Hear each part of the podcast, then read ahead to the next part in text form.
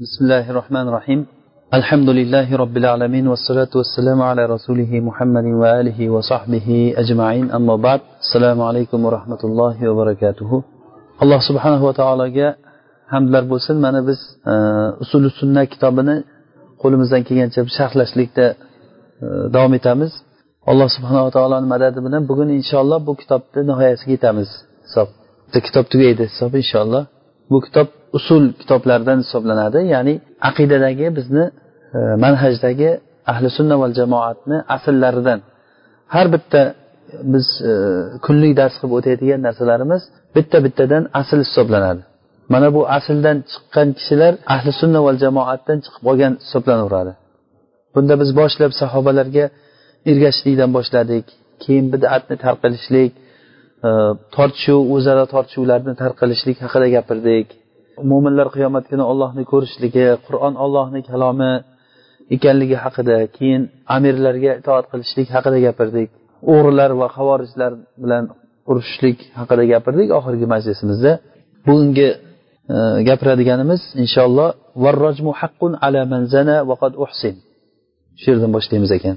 Imom ahmad rahimaulloh aytadilar varrojmu haqqun ala man zana va qad uhsin إذا اعترف أو قامت عليه بينة فقد رجم رسول الله صلى الله عليه وسلم والأئمة الراشدون zino qilgan kishini ya'ni agarda muhson bo'lsa muhson deganligi shar'iy nikoh bilan uylangan odam muhson deyiladi shar'iy nikoh bilan agar xotinni taloq qilib yuborgan bo'lsa ham shar'iy nikoh bilan uylangan kishi agar zino qilsa u toshbo'ron qilib o'ldiriladi dedi shariatni hukmi bu narsa. Bunda kechirish degan narsa bo'lmaydi. Kechirish degan narsa bu hozirgi e, ba'zi bir odamlarni ko'zi bilan qaraganda xunuk ko'rinishligi mumkin. Toshbo'ron qilishlik bir odamni o'ldirishlik. Lekin bu narsani foydasi bu narsani foydasi jamiyatda juda ham katta nechi barobar foydasi bo'lib ketadi. Bu ollohni shariati. Alloh taolo bizga namoz o'qi dedi namoz o'qiyapmiz. Ramazonda ro'za tut dedi ro'za tutyapmiz. Haj qilinglar kabaga borib dedi haj qilyapmiz. Va hokazo alloh taolo nimani buyurgan bo'lsa shu narsani qilyapmiz. Xuddi shu ollohni hukmlaridan biri rojim qilishlik bo'ladi. Inshaalloh bu haqda hozir tafsiliyroq gapiramiz. Agar kishi zino qilganligini o'zi bo'yniga olsa men zino qildim deb xuddiki maizga o'xshab maiz rasululloh sollallohu alayhi vasallamni oldiga kelib ey rasululloh men zino qildim menga ollohni hukmini joriy qiling dedilar. Rasululloh sollallohu alayhi vasallam balkim seni xayolingga bo'lgandir yo balkim e, o'pgandirsan yoki qo'ling bilan ushlagandirsan bir xayolingga bo'lgandir deb har xil ehtimolotlarni hammasini aytganda yo'q dedi. Oxiri kinoya qilmasdan ochiqchasiga shu ishni qildingmi deb so'raganlarida qildim dedi. Keyin rasululloh buyurdilar u kishi rajm qilindi. Ya'ni rajm qilinganda tosh bo'ron qilib o'ldirilgan. Mana shu toshbo'ron qilib o'ldirishlik o'ldirilishligi u kishiga kaforat bo'ldi. O'sha qilgan gunohi shu bilan kechiriladi inshaalloh. Agar kimgaki agar had bajarilsa masalan o'g'irlik qilgan odam qo'li kesilinsa shu qo'lini kesilishligi unga kaforat bo'ladi gunohi kechirildi hisob. Demak zino qilgan odam ikki xil bo'ladi yo uylangan yo uylanmagan bo'ladi. Uylangan deb biz aytamiz muhson bo'lgan deyiladi. Bu istilohiy gap arab tilida. Muhson degani muhson degani shar'iy nikoh bilan nikohlangan kishi degani. Va shu nikohdan duxul qilgan bo'lishi kerak ayoliga. Agar bir cho'riga uylangan bo'lsa u narsa unda xilof bor. Agar cho'riga uylansa muhson bo'ladimi? Yo'qmi? Hur kishi. O'zi asli muhson bo'ladigan odam hur kishi bo'lishi kerak va uylangan bo'lishi kerak qisqaroq qilib aytganimizda. Bundagi fiqiy xiloflarga hozir kirmaymiz. O'ziga qisqa tushuncha bo'layotgan narsa shu. Uylangan odam agar xotinni yigirma yil oldin taloq qilib yuborgan bo'lsa ham yigirma yildan beri bo'ydoq bo'lib yurgan bo'lsa ham agar zino qilsa o'sha odam muhson hisoblanadi uni hukmi toshbo'ron qilib o'ldirilishi kerak. Shariatni bir hikmatiga hayron qolingki agar odam o'ldirgan bo'lsa bir kishi ataydan bir kishini o'ldirsa qisos unga. Agar qisos olish paytida o'sha o'lgan o'ldirilgan odamni valiylari aka ukalari otalari farzandlari bo'ldi biz kechirdik buni deydigan bo'lsa bo'ldi kechiriladi bu. Yo'q sen kechirsang ham bu yerda ollohni shariati buni bajaramiz demaydi qozi odam o'ldirgan kishiga. Lekin zino qilgan odamni albatta toshbo'ron qilinishligi shart. Zino qilgan odamni. Bu juda ham bizni qulog'imizga yomon eshitilishligi mumkin. Lekin buni shartlari juda yam og'ir. Zino qilganligini isbotlash kerak. Qanday qilib isbotlaydi? To'rtta odam bir vaqtda bir vaqtda o'sha surmadonni cho'pini surmadonni ichida ko'rish kerak degan. O'sha holatda. Hattoki agar birga bitta to'shakda yotganini ko'rsa ham u shohid deyilmaydi. Qachon shohid bo'ladi? O'sha shohidlar ayni o'sha jimo holatini bo'lib yotgan jarayonini ko'rish kerak ko'zi bilan. To'rtta odam bir vaqtda ko'rish kerak. Agar uchtasi ko'rib bittasi menga sal ko'rinmay qoldi desa o'sha uchtasini olib kelib turib saksontadan tuhmatchini jaldasi uriladi. Tarixda hech qachon islomni tarixida shohidlar asosida zino isbotini topmagan. Qachon u joriy qilingan bo'lsa o'zini shahodati bilan keyin men zino qildim menga olloh hukmini joriy qilinglar degan o'shanga joriy qilingan. Tarixda bo'lmagan bu narsa. Bizni qulog'imizga munkar eshitilishligi mumkin rojim qilib o'ldirishligi ayniqsa ayni ko'rsa yana ham. O'shani joriy qilinayotganligini hukmni ko'rsa agar ko'zi bilan yana ham og'ir ko'rinishligi mumkin ba'zi kishilarga. Lekin bu narsa o'ylab qarasangiz shariat bu tomonni ham mahkamlaganki hukm qattiq lekin uni sharti ham qattiq. Va ikkinchisi homilador bo'lsa. Uylanmagan erga tegmagan ayol kishi homilador bo'lib qolsa u aniqki u zino qilgan degani. Unda e'tirof etishligi ham shart emas unda hujjat olib kelish ham shart emas. Agar homilador bo'lib qolsa mana o'shanda ollohni hukmi agar erga tegib chiqqan bo'lsa u ham muhson hisoblanadi rajm qilinadi. Rajm deganda nima? Toshbo'ron qilinishi kerak degani. Rasululloh sollallohu alayhi vasallam toshbo'ron qildilar. U kishidan keyingi xulofai roshidinlar toshbo'ron qildi. Demak bu alloh subhanahu va taoloni hukmi hisoblanadi. Shu narsani bir tafsilotini hozir aytib o'tib ketaylik keyin qaytmaymiz bu masalaga.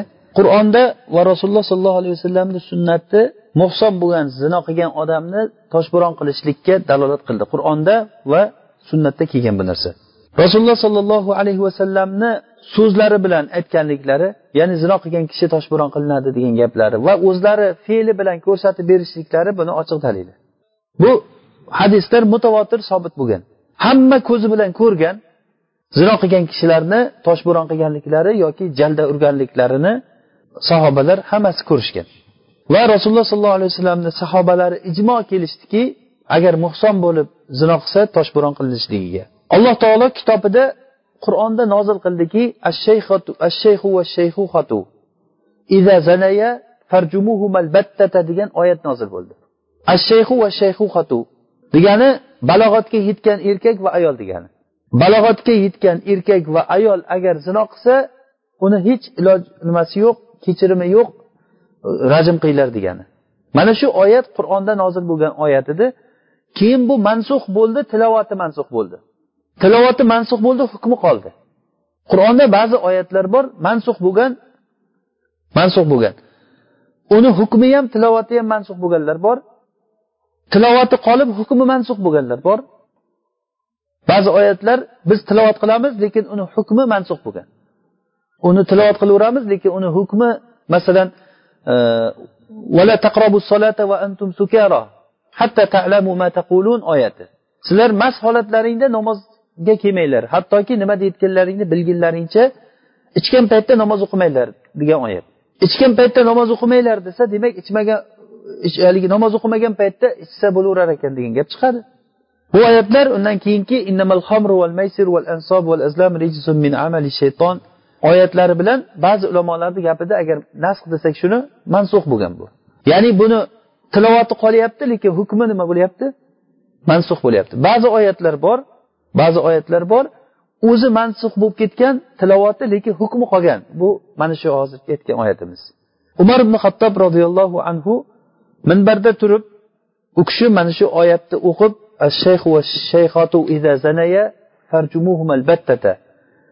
agar balog'atga yetgan erkak va ayol agar zino qilsa uni uringlar deb oyat tushgan hali odamlarga bir zamon keladiki rajm degan narsa toshbo'ron qilish degan narsa qur'onda yo'q.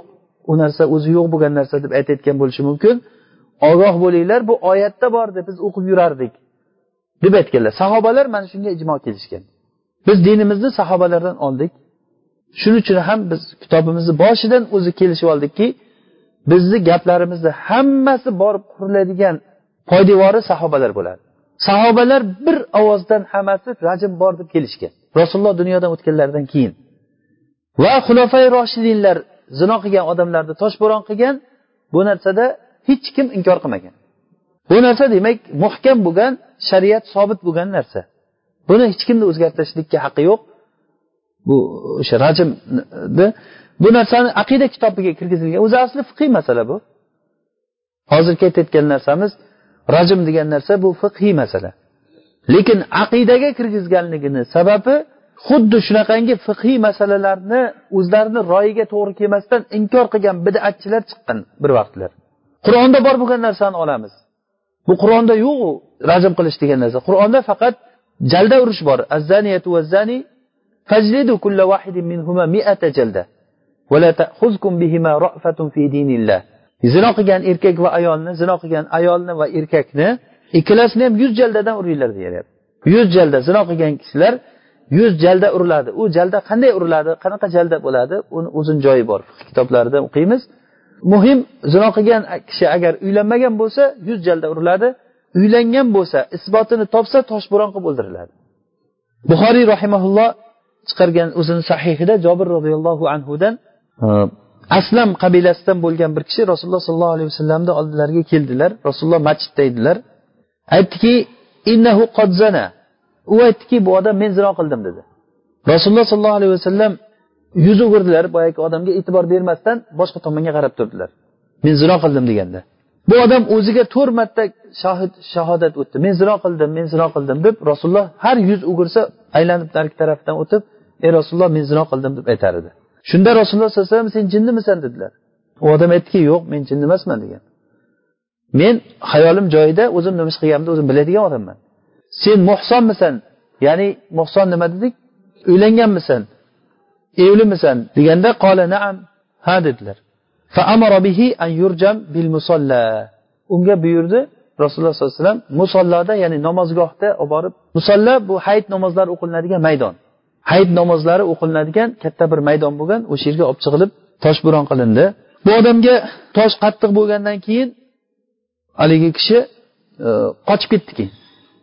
Zo'r kelgandan keyin o'zi bo'yniga olib kelgan lekin qattiq tosh tegavergandan keyin qochgan. Orqasidan sahobalar quvib borib bir harro degan madinani chekkasida toshliq joy bor. O'sha yerga borganda ushlab olib turib urib o'ldirgan oxirigacha. Yana buxoriyda bir hadis kelgan. Juma kunida bir ayol kelib turib rasululloh sollallohu alayhi vasallamga men zino qildim deb aytgan tan olgan. Rasululloh sollallohu alayhi vasallam zino qilmagandirsan unday bo'lgandir bunday bo'lgandir deb ehtimolotlarni aytsa yo'q men zino qilganman men homiladorman degan. Zinoda unda sen homilangni tug'ib kelgin deganlar. Keyin bu ayol borib homilasini tug'ib kelgan. Mana homilamni tug'dim ey rasululloh menga ollohni hukmini joriy qiling degan. Shunda buni emizib kelgin degan. Rasululloh agar o'sha ayol qaytib kelmaganda rasululloh uni izlab bormasdi borib bolasini emizib sutdan chiqqandan keyin rasulullohni oldiga ko'tarib kelgan bolasi non yeb turgan edi. Ey rasululloh mani bolam non yeb turibdi menga ollohni hukmini joriy qiling degan. Bu iymonni o'zi tasavvur qilavering qanaqa bo'lganligini. Keyin rasululloh sollallohu alayhi vasallam buyurdilar o'sha ayol toshbo'ron qilindi. Shu toshbo'ron qilishlikni asnosida xolid ibn valid tosh bilan urgan paytda qon sachrab ketgan ustiga. Shunda so'kkan xolid. Rasululloh aytgan ekanlarki sen buni so'kmagin bu shunday tavba qildiki agar tavbasi madinani ahliga tarqatib berilsa yetadi deganlar. Bu narsa rasululloh sollallohu alayhi vasallam qanchalik rahmlik alloh subhanahu va taolo qanchalik rohim bo'lib lekin bu hukm hukm bu narsa. O'g'rini qo'li kesiladi zino qilgan odam jalda uriladi yoki toshbo'ron qiriladi o'ldirgan odam qisosan o'ldiriladi mana shu bilan jamiyat o'zini iziga tushadi. Odamlar o'ylaydiki agar bu narsa qilinayotgan bo'lsa jamiyat majruhlarga aylanib ketadi hammani urish kerak deydi. Jamiyatda hammani urish kerak deydi. Qani isbot qilsa ursin isbot qilinsa. Agarda bitta odamni olib chiqib shunaqa qilinsa tamom hamma birdan joyiga keladi bu narsalar allohu mustaan ya'ni bu narsa alloh taoloni hukmi. Muslim rahimaulloh ubadat ibn somit roziyallohu anhudan chiqarib aytadilar. Rasululloh sollallohu alayhi vasallam aytdilarki huzu anni huzu anni.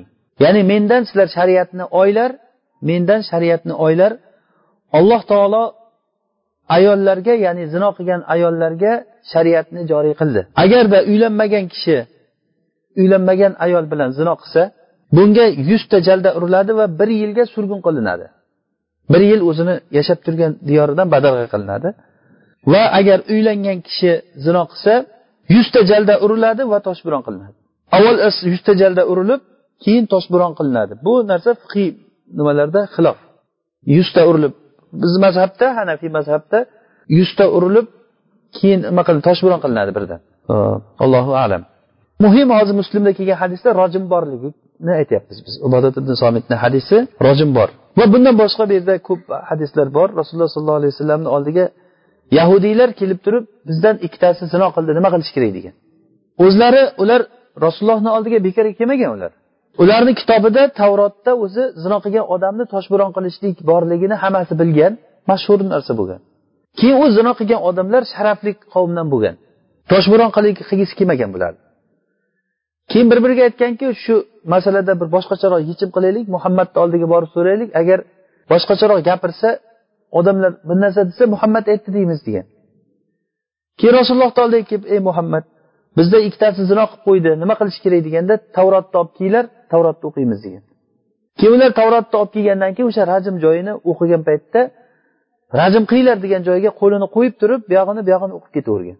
Rasululloh o'qishni bilmaganlar shu yerda abdulloh ibn salom bu kishi yahudlarni olimlaridan bo'lgan. Qo'lingni ko'tar degan boyagiga qo'lini ko'tarsa tagida rajm qil degan joyi bor. Mana mana shu rasululloh rajm qil degan joyi degan ko'rsatdi u yashirib o'tiribdi degan. Keyin rasululloh sollallohu alayhi vasallam ikkovsini olib kelib turib rajm qildirganlar ikkita yahudiyni. Ayolni o'shanda yahudiy erkak haligi ayolni himoya qilib o'ldi degan. Tosh otilgan paytda ikkovsini yonma yon qo'yib turib urgan ekan. Toshlar otilish paytida oldiga chiqib himoya qilib o'ldi degan. Rasulullohni sunnatlardan ham qovul bilan ham fe'l bilan bu narsa joriy bo'lgan narsa. Muhkam bo'lgan hukm.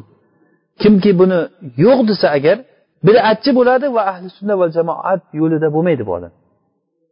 O'sha uchun ham imom ahmad rahimaulloh bu narsani o'zini usullariga kirgizib aytyapti. Xuddiki mahsiga mas tortishlikda aytganimiz kabi mahsiga mas tortishlikni e'tiqod qilamiz biz deb aqida kitoblarida keladi. Nega u fiqhiy narsa aqida kitoblarida kelganligini sababi ham o'sha aqidada bidatchi bo'lgan odamlarni ko'rsatayotgan alomatlardan biri mana shu masalalarda xilof qiladi degani. Ular mana shu masalalarni olmaydi bilaveringki demak u sunnat yo'lidagi odam emas u. Shu narsani olmayaptimi? Tan olmayaptimi? Demak u ahli sunna va jamoat yo'lida emas degani. Ho'p bu yerda ibn qayim rahimaullohni va boshqa ulamolarni zino qilgan kishi haqidagi ahkomlar to'g'risida kitobida aytgan gaplari bor ekan. vaqtimizni tejashlik uchun inshaalloh mana shu narsa bizga hozircha yetadi chunki biz buni fiqiy tomonni yechganimiz yo'q muhim shu rajmni bor ekanligini uni sobit bo'lgan ekanligini bilishligimiz hozirgi jobirni hadisi buxoriydagi va muslimdagi ubodat ibn somit roziyallohu anhuni hadislari rasululloh sollallohu alayhi vasallam rajm qilganlar keyingi asl ومن انتقص أحدا من أصحاب رسول الله صلى الله عليه وسلم أو أبغضه بحدث كان منه أو ذكر مساوئه كان مبتدعا حتى يترحم عليهم جميعا ويكون قلبه لهم سليما bu asl xuddiki oldingi birinchi boshlagan aslimizni davomiga o'xshaydi kimki rasulullohni ashoblaridan bir kishini kamsitsa ayblasa yoki unga u sahobalardan bo'lgan bir ish tufayli unga g'azab qilsa sahobiyga yoki uni yomonliklarini zikr qilsa u bidatchi bo'ladi. Hattoki ularni hammalariga ollohdan rahm so'raguncha va qalbi shu narsaga salomat bo'lmaguncha bu odam mubtadi hisoblanadi. Ahli sunna va jamoatdan emas u odam. Kimki sahobalarni hammasiga sahobalarni hammasiga qalbida muhabbati bo'lib ularga roziyallohu anhum ajmain demaguncha bu odam ahli sunnadan bo'lmaydi. Bu narsani biz boshdagi aslda inshaalloh gapirib o'tgan edik u yerda sahobalarga ergashish haqida gapirgan edik. Lekin hozir bu yerda sahobalarni kamsitish haqida uni hukmi haqida kelyapti bu narsa. Ollohni qadari bilan shunday bir toifa odamlar chiqdiki bizni yo'limizni boshidan shunday to'g'anoqni qo'yadigan bir toifa chiqdi. Bizni dinimizni o'zi sahobalardan oladigan dinni sahobalarni hayotini ustiga o'shalarga namuna qilib shulardan biz din olayotgan bo'lsak bir toifa odamlar chiqib ular hammasi kofir dedi. Hammasi fosiq hammasi yolg'onchi. Ularda eng boshida abu bakr keyin umar keyin usmon. Sahobalardan bir o'ntadan ziyatini ular ular ham o'lib ketgan kishilar. Ko'pchiligi masalan salmon al farsiyni abu zaril g'iforiy va boshqa sanoqli sahobalarni qoldirdi. Qolganlarini hammasini kofir fosiqqa chiqardi ular. Ya'ni shiyalar. Mana shu bilan ular ba'zi paytlarda butun yer kurrasini olib qo'ygan paytlari bo'ldi. Shomda hamadoniylar bu yoqda iroqda va turkmaniston bizda mavaro nahr tarafida buvayhiylar keyin bu, bu tomondan mag'rib fosda tunis misr hijoz bu bu tomonda fotimiylar bir qancha vaqt mana shu shiyalarni hukumati hukm surdi. Hattoki misrdagi azhar ilm o'chog'i azhar sahobalarni so'kish uchun qurildi. Azharni minbarida turib turib abu bakr umar va muaviya roziyallohu anhu mana bularni so'kilinardi hamma masjidlarni eshigiga muaviya alayhillana deb yozdirildi. Muaviya alayhillana olloh la'nati bo'lsin abbosni e, shurodan man qilgan kishini deb ya'ni umarni aytgan. Ollohni la'nati bo'lsin fotimani merosdan man qilgan kishini deb yozgan ya'ni abu bakrni. Mana shu bilan ular abu bakrni la'natladi ochiqchasiga emas lekin aynan abu bakr bu. Va umarni va moviyani bo'lsa ochiq moviya alayhillana deb yozdirilgan hamma masjidlarni eshigiga yozdirildi. Minbarlarda har juma kuni sahobalarga la'natlar o'qilinadigan bo'ldi. Va allohni marhamati bilan ozroq vaqtdan keyin ular biz baraka to'g'risida gapirganimizda ularni amallari barakasiz bo'lganligini samarasiz bo'lganligini misolida shu azharda aytgan edikki sahobalarni so'kish uchun qurilgan minbar sahobalarni sunnatini tarqatadigan minbarga aylanib qoldi. Hayron qoladigan joyi shundaki misrda shiyani hidini ham ko'rmaysiz. Shunday paytlar bir paytlarda shu hamma minbarlarda sahobalar so'kilingan joy. Ollohni marhamati bilan yoki mana shu turkiyada ham sunniylarni hukumatiga aylanib qoldi. Ollohni bu katta bo'lgan marhamati va mavoron nahr tomonlar ham. Lekin u yoqda bu yoqda bu yoqda ularni ta'sirlari asarlari qolib ketdi.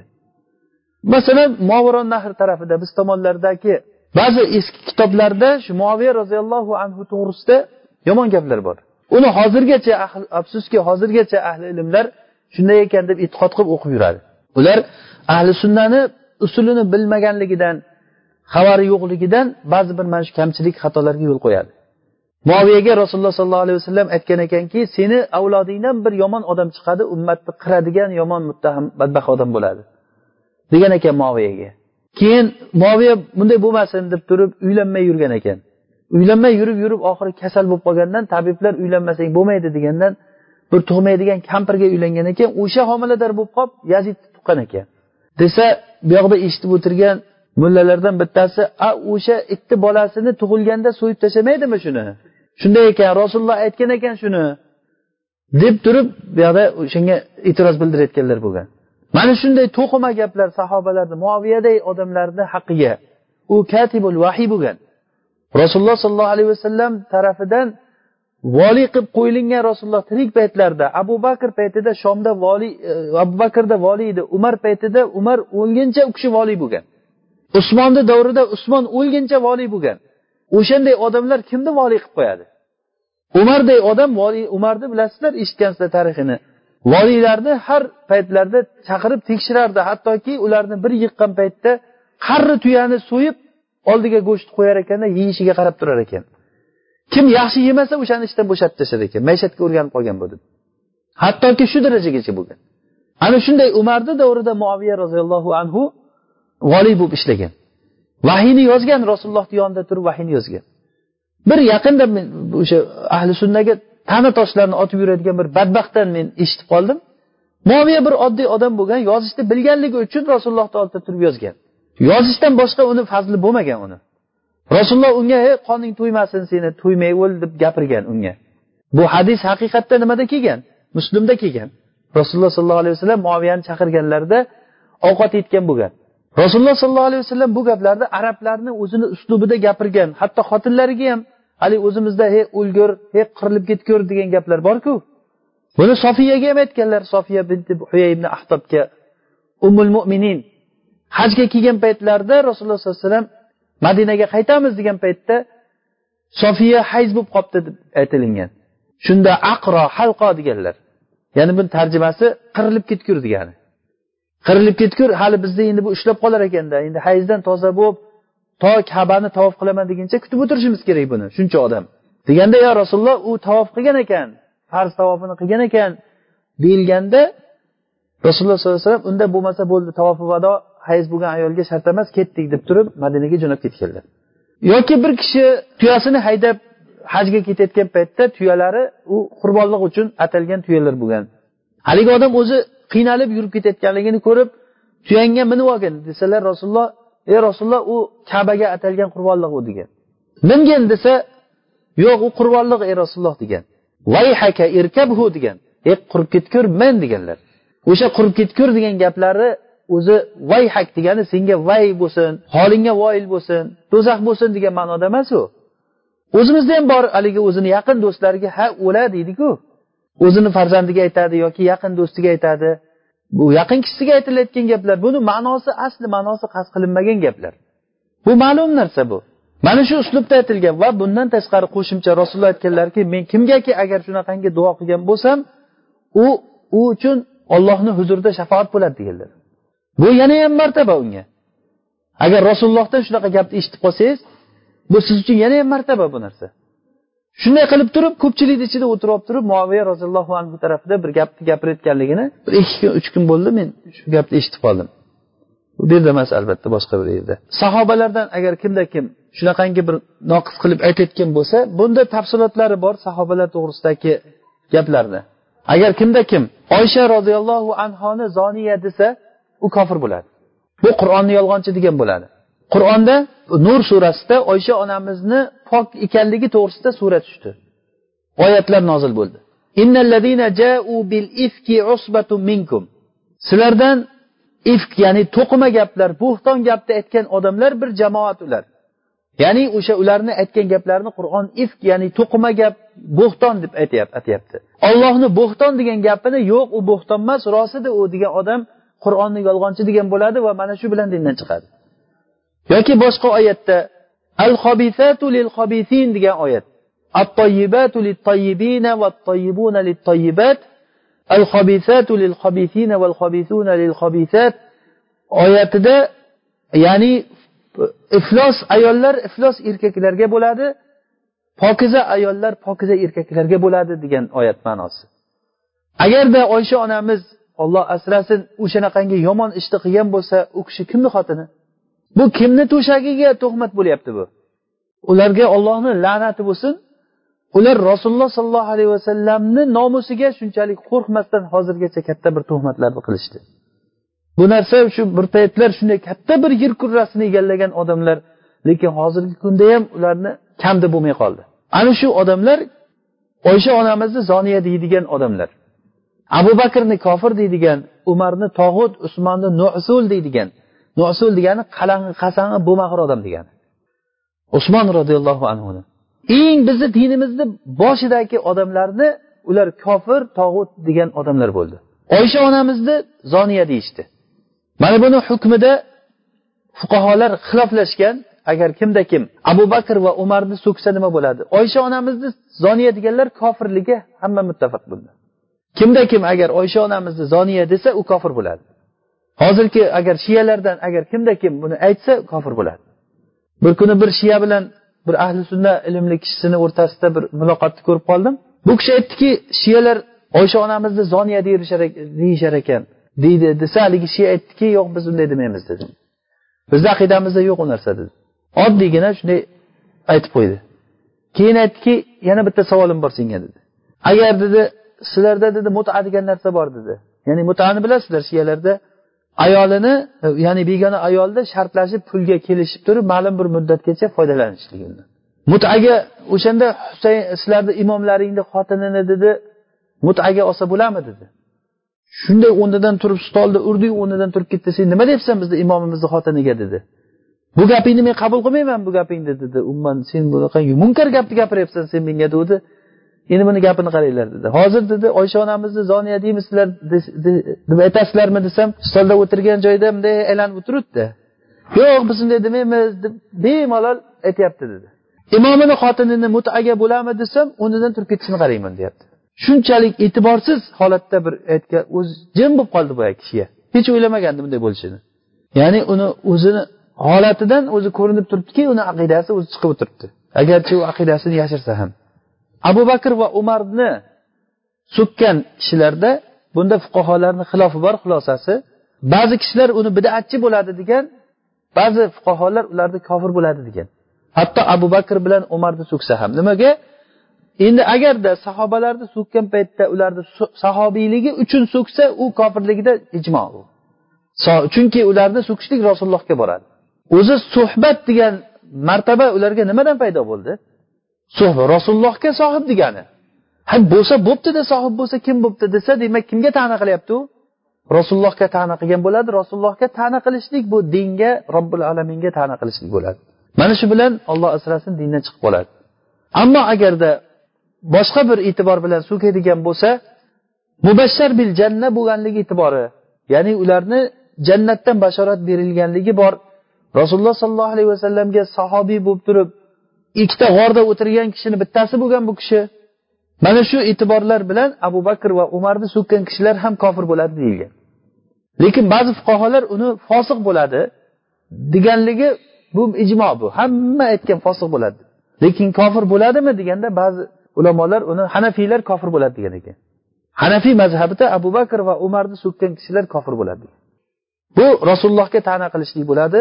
Jannatdan bashorat berilgan odamni so'kishlik bu kufrga olib keladi deyilgan. Hatto buni nimalarda biz shayximiz bir hikoyani aytib bergan edi.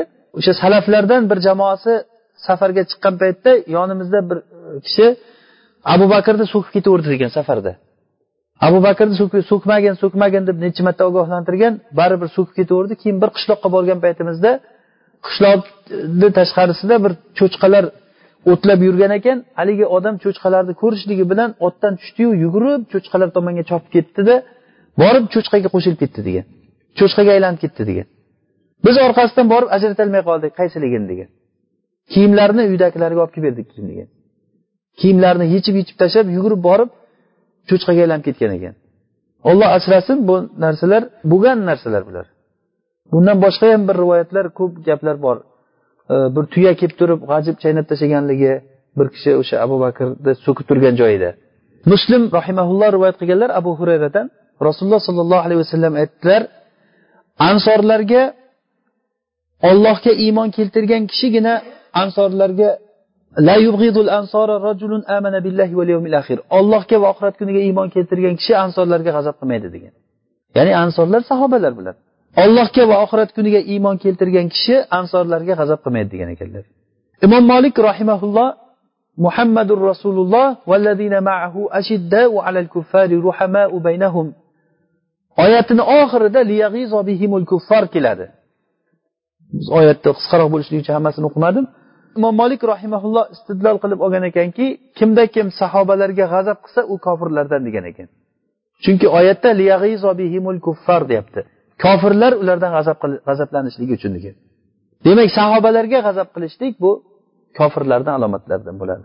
Xulosa qilganimizda shu chiqadiki kimda kim oysha onamizni so'ksa kofir bo'ladi. Abu bakr va umarni so'ksa rojihda aksar ulamolar kofir bo'ladi degan ulardan hanafiylar ham va ba'zi ulamolar fosiq bo'ladi degan.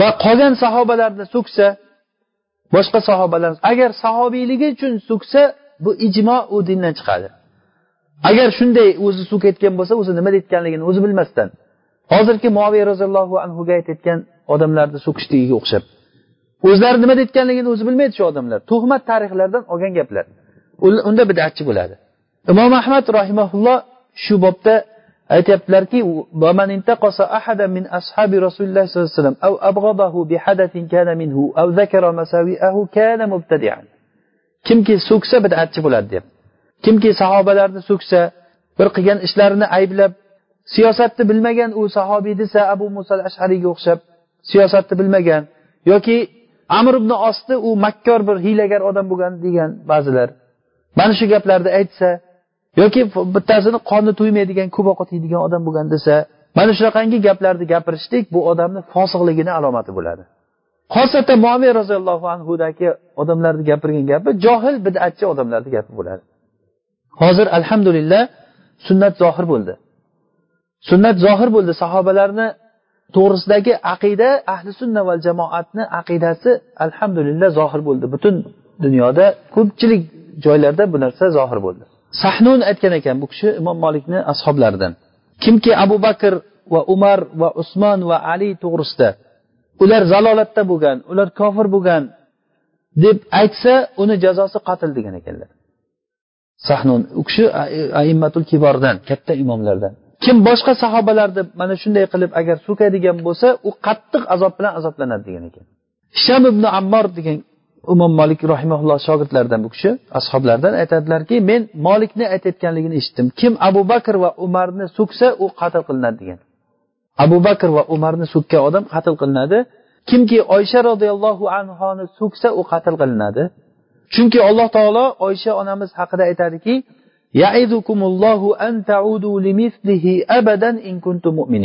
alloh taolo sizlarga va'z qiladiki bunaqangi ishga ikkinchi marta qaytmasliklaringni va'z qiladi. Demak bu ishga yana qaytayotgan odam qur'onga xilof qilgan bo'ladi. Kim qur'onga xilof qilsa o'ldiriladi degan ekan. Bu imom nimani e, savoiqul muhriqo degan kitobda hishom ibn ammorni molikdan bo'lgan rivoyati. Ibn taymiya rahimaulloh aytganlar ibrohimun nahoiy aytadilar abu bakr va umarni so'kishlik bu kaboirlardan ya'ni gunoh kabiralardan. Abu soq sabiiy bu kishi aimmatul kiborlardan bu kishi ham aytadilarki abu bakr va umarni so'kishlik alloh taolo anhu deb u haqda aytgan kaboirlardan ya'ni gunoh kabiralardan deb aytgan ekan.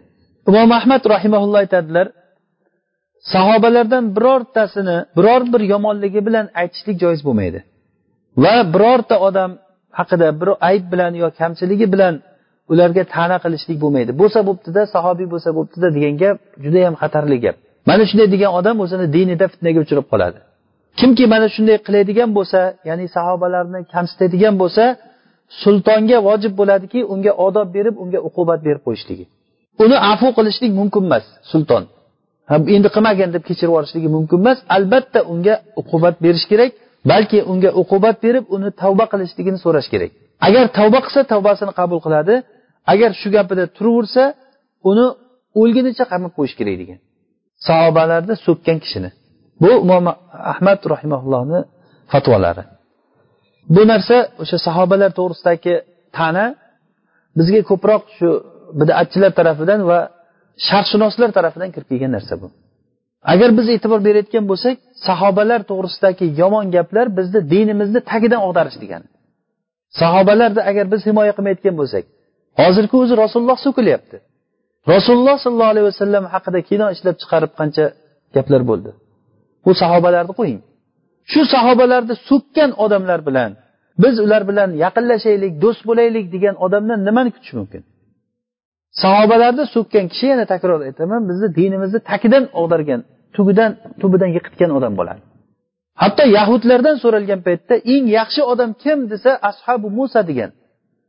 Eng yaxshi odam kim deb so'ralganda yahudlarda musoni ashoblari degan. Nasoralardan so'ralsa eng yaxshi odam kim deb so'ralsa isoni ashoblari deyishgan. Shiyalardan so'rab eng yomon odamlar kim desa ashabu muhammad degan. Mana ana bu narsa ularni dini. Ollohga shu bilan taqarrub qiladi. Sahobalarni so'kib ollohga yaqinlashishlikni niyat qiladi bu odamlar. Oysha onamizga la'natlar aytib o'sha bilan ollohga yaqinlashmoqchi bo'ladi. Bu narsa biz yaxshiroq bir tushunsak agar dinimizni sahobalarni so'kishlik degan narsa bizni dinimizni tagidan quritish degani. Bu narsa bizga mana shu shaxsshunoslar keyingi asrlarda keyingi asrlarda shaxsshunoslar mana paydo bo'lgandan keyin shaxsshunoslar tomonidan kirib kelgan. Ular maxsus kitoblar yozilgan maxsus hikoyalar o'ylab topilgan va o'qish joylarida shu narsa o'qitilinib avomlarda masjidlarda shu narsa aytib berilgan. Bu odamlarni qalbiga o'tirgan bu narsa keyin. Tushunib tushunmay bilib bilmay sahobalar to'g'risida har xil gaplarni gapirilingan alhamdulillah bizga alloh taolo o'zi tavfiq berib mana shu gaplarni eshitishlikni o'qishlikni o'zi nasib qildi. Buni yaxshilab bilib aqida tutib olish kerak. Sahobalar bu eng odamlarni yaxshi odamlari bular. Hammasi. Birortasini ham biz yomonlik bilan eslashligimiz mumkin emas. Agarda kim bitta sahobani bo'lsa ham kamchilik bilan yomonlik bilan eslasa u bidatchi bo'ladi. Qilgan xatolari bo'lsa olloh kechirsin olloh rahm qilsin deyishimiz kerak. Har birini o'ziga yarasha bir fazli bor bo'lgan odamlar edi. Har birini. Shuning uchun ummat o'zi jamlandiki sahobalar hammasi adolatli odamlar deb. Agar agar biz adolat to'g'risida gapirsak ko'p gapimiz cho'zilib ketadi. Hammaga mashhur bo'lgan mana buxoriy rahimaulloh misrga borgan paytda bir hadis eshitaman deganda bir shayx otni chaqiraman deb turib otiga kiygin deb turib etagini ko'rsatganda xuddi arpa borga o'xshab arpasi bo'lmagan buxoriy borib qarasa arpa bo'lmagan ekan.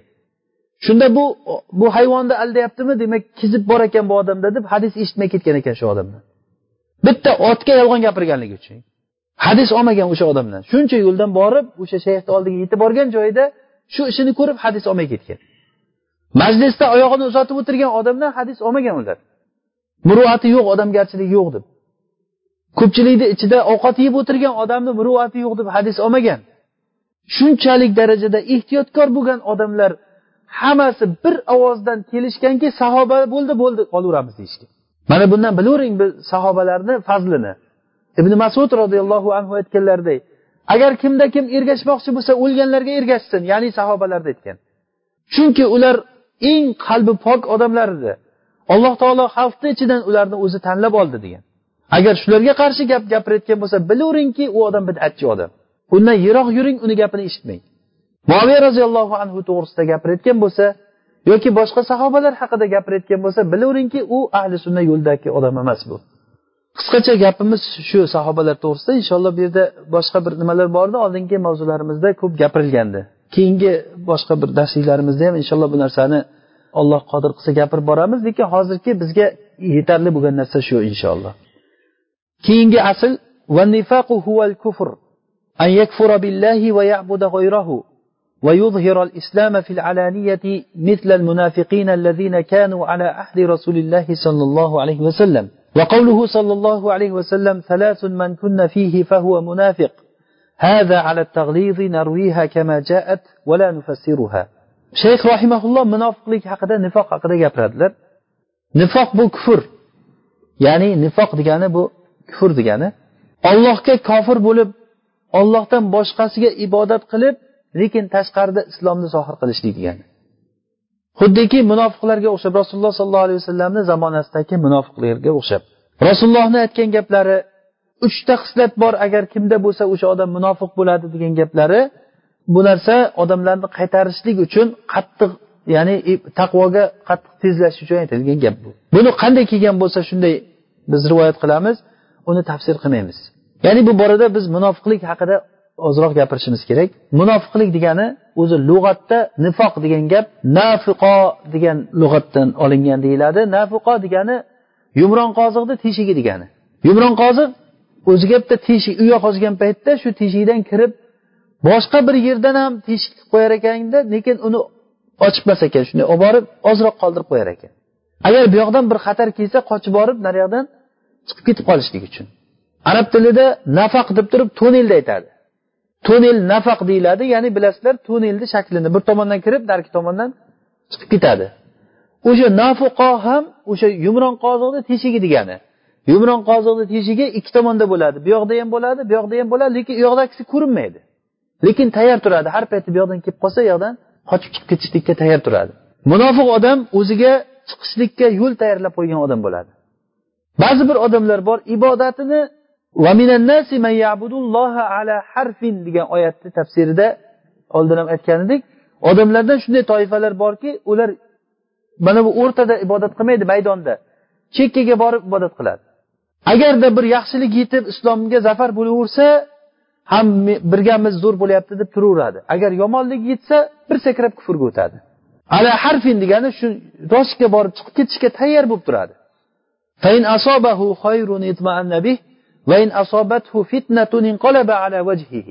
Bu odam nima qildi shu bilan? Yutdimi? Foyda qildimi? Yo'q alloh taolo uni davomida aytyaptiki dunya val axira o'sha odam dunyosini ham oxiratini ham yutqizdi odam. Dunyosi ham oxirati ham kuydi bu munofiqni degani demak bu istiroh bu lug'aviy ma'nosi demak yumron qoziqni teshigiga o'xshatilganligi uchun munofiq deyilgan. Istirohdagi ma'nosi munofiq degani o'zi shaklida islomni ko'rsatadi lekin ichi kufr degani. Qalbida kufri bor bo'lgan odam degani. Munofiqlik ikki xil bo'ladi. Buni yaxshi tushunib olinglar bu narsa juda muhim narsa. Munofiqlik ikki xil bo'ladi. Birinchisi nifoqi e'tiqodiy bo'ladi ikkinchisi nifoqi amaliy bo'ladi. Nima ekan? Birinchisi nifoq e'tiqodiy bu qalta bo'ladi nifoqi amaliy tashqarida bo'ladi. Nifoqi e'tiqodiy u qur'onda aytilingan do'zaxni turida bo'ladi degan nifoq shu. Innal munafiqina fid darkil asfali minan nari va lan tajida lahum nasira. Munofiqlar do'zaxni eng tubida bo'ladi ularga sen hech qanday yordamchi topolmaysan. Innal munafiqina yukhadi'una alloha va huwa khadi'uhum. Va idza qamu ila as-salati qamu kusala. يراؤون الناس ولا يذكرون الله إلا قليلا مذبذبين بين ذلك لا إلى هؤلاء ولا إلى هؤلاء munofiqlar ular namozga tursa ular dangkasalik bilan namozga turadilar alomatlari ollohni judayam kam eslaydi eslamaydi emas ollohni eslaydi judayam kam eslaydi odamlarga riyo qilib amal qiladi odamlar ko'rgan paytda o'zini taqvodor ko'rsatadi sunnatga ergashgan odamdek qilib ko'rsatadi o'zini agar uyiga borsa uyida amal qilmaydi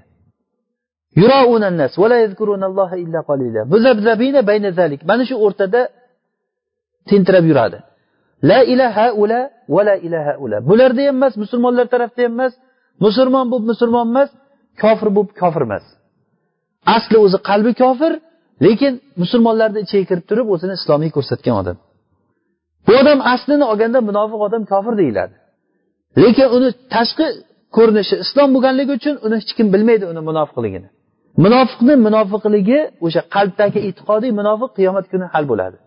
Bu odam munofiq odam olloh asrasin jannatga kirmaydi. Kofirlardan ko'ra do'zaxni to'rrog'ida turadi.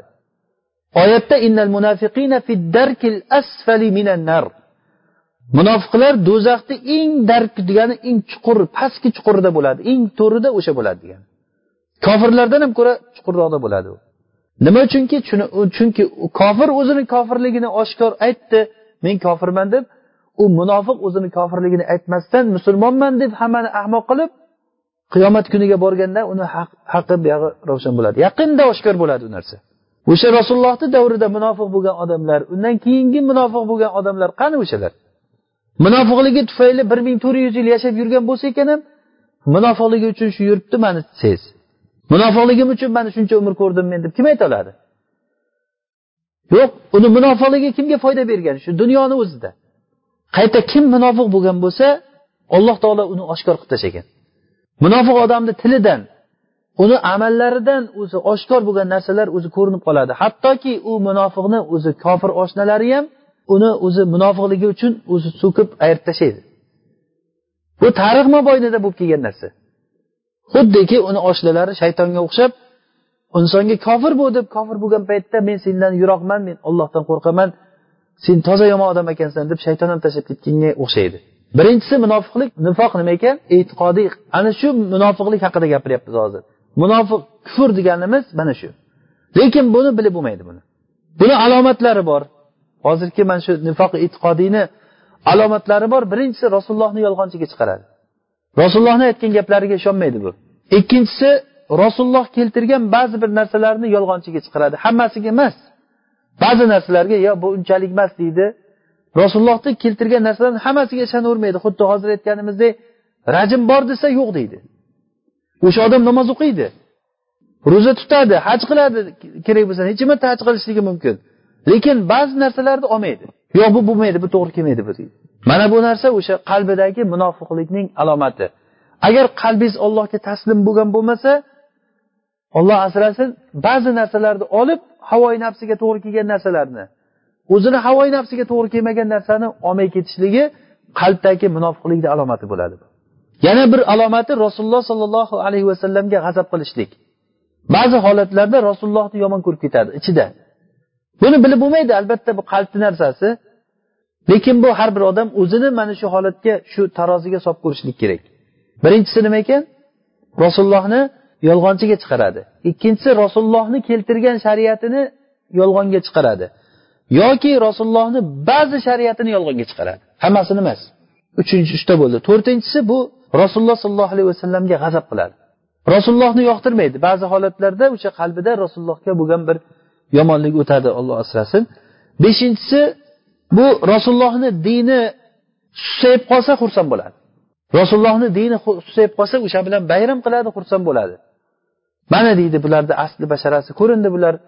Mana bunday bo'ldi deb turib xursand bo'ladi. Yoki oltinchisi rasulullohni dinini g'alaba qilsa agar unga bo'lmaydi. O'sha ichidan o'sha narsani yoqtirmaydi. Islomni yutuqlarini u odam yoqtirmaydi. Mana bu oltita narsa munofiq e'tiqodiy nifoqni alomatlari. E'tiqodiy nifoqni alomatlari mana shunday bo'ladi. Olloh asrasin agar kimdaki mana shu nifoqlar nifoq bo'lsa u odam jannatga kirmaydi u odam kofir bo'ladi do'zaxda doim eng tubida bo'layotgan odamlar bo'ladi. Hozirgi bu biz e, matnda o'qigan narsamiz mana shu. Tushunyaptimi ikkinchi munofiq nifoqi amaliy deyiladi. Ya'ni bu qalbda emas amalda munofiqlik bo'ladi lekin bu dindan chiqarmaydi bu. Nifoqi amaliy dindan chiqarmaydi munofiqlik deb ataladi. Xuddiki kufrda kufrun duna kufr deyildiku kufrun duna kufr deyilganday biz buni oldin aytgan edik. Munofiqligi bu dindan chiqadigan munofiqlik emas. Xuddi shu uchun rasululloh sollallohu alayhi vasallam aytganlar uchta xislat bor agar kimda bo'lsa o'sha odam munofiq bo'ladi. Agar gapirsa yolg'on gapiradi. Va'da qilsa xilof qiladi. Omonatga qo'yilsa omonatni yeb ketadi. Yoki boshqa hadisda agar husumat qilsa fujur qiladi degan. Husumat qilsa fujurga o'tadi degani siz bilan agar bitta masalada tortishmay tortishib qolsa u yo so'kib sizni boshqa bir narsaga o'tib ketadi yo bo'lmasa sizni ho oldingi ayblaringizni ochib beradi. O'zi tortishuvimiz bir masalada bu yerda boshqa narsada bo'lyapti. Ko'pincha bu qudalar o'rtasida bo'layotgan narsa. Er xotin agar bir biri bilan kelishmay qolsa butun o'sha o'n yil yigirma yilgi arxivni ko'tarib butun qav qarindoshlariyu boshqa gaplar bo'lgan bo'lmagan gaplar hammasi ana bu fujur degani.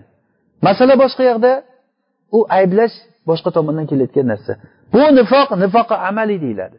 Agar kimda kim mana shu xislat bo'lsa gapirsa yolg'on gapirsa va'da qilsa xilof qilsa agarda omonatga qo'yilsa yeb ketsa aynan hozir ko'pchiligimizda bor bo'lgan bu xislatlardan bu amaliy munofiqlik degani.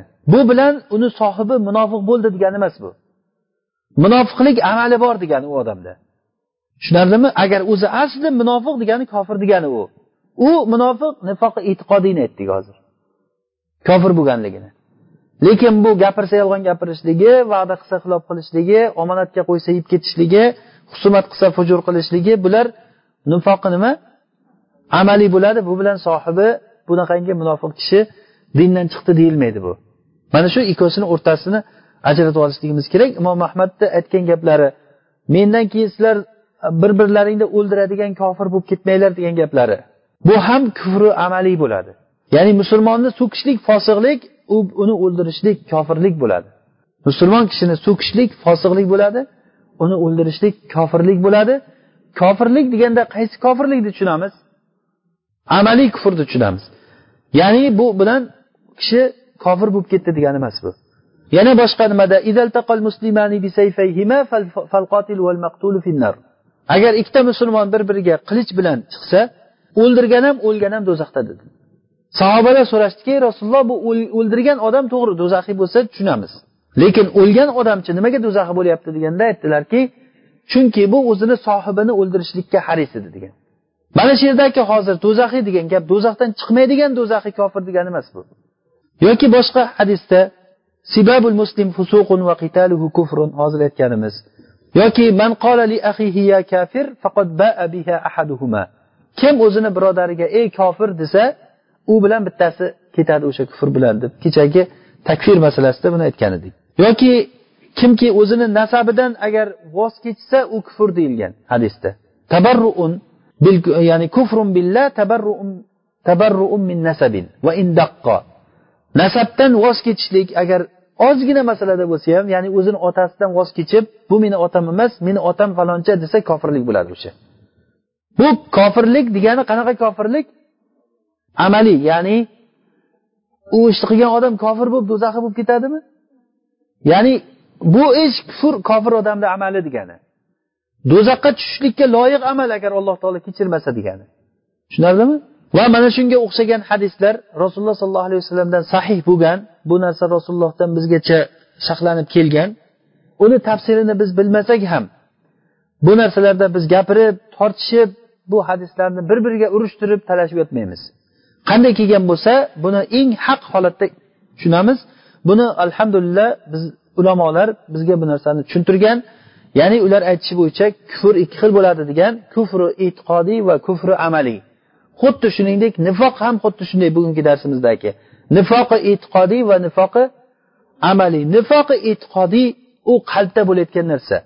U narsa rasulullohni yomon ko'rishlik dinni yomon ko'rishlik agar kimda kim qalbidan dinni yomon ko'rsa o'shanda munofiq e'tiqodiy munofiqlik bor degani. Bu odam o'sha agar namoz o'qisa ham ro'za tutsa ham haj qilsa ham bu ichida munofiqligi bor bo'lgan odam u jannatga kirmaydi u. Olloh asrasin. Lekin buni bilib bo'lmaydi. Buni hech kimga sen munofiqsan seni qalbingda shunaqa narsa bor deb hech kim aytolmaydi birovga. Bu odam biz o'zimiz bilishligimiz uchun gapiramiz buni. Biz ko'p takrorladik bu gapni. Biz hozir aytayotgan darsimiz birovga hukm chiqarish uchun birovni formula yasab o'sha formulaga bir odamlarni tushirishlik uchun emas bu narsa. Amal qilishlik uchun o'zimiz shu narsani dinimizni o'rganishlik uchun gapiramiz. Har bir odam eshitganda shu narsaga o'zini solib ko'rsin shunga. Hozirgi alomatlarni aytdiku nifoqi e'tiqodiyda nechta alomat bor dedik?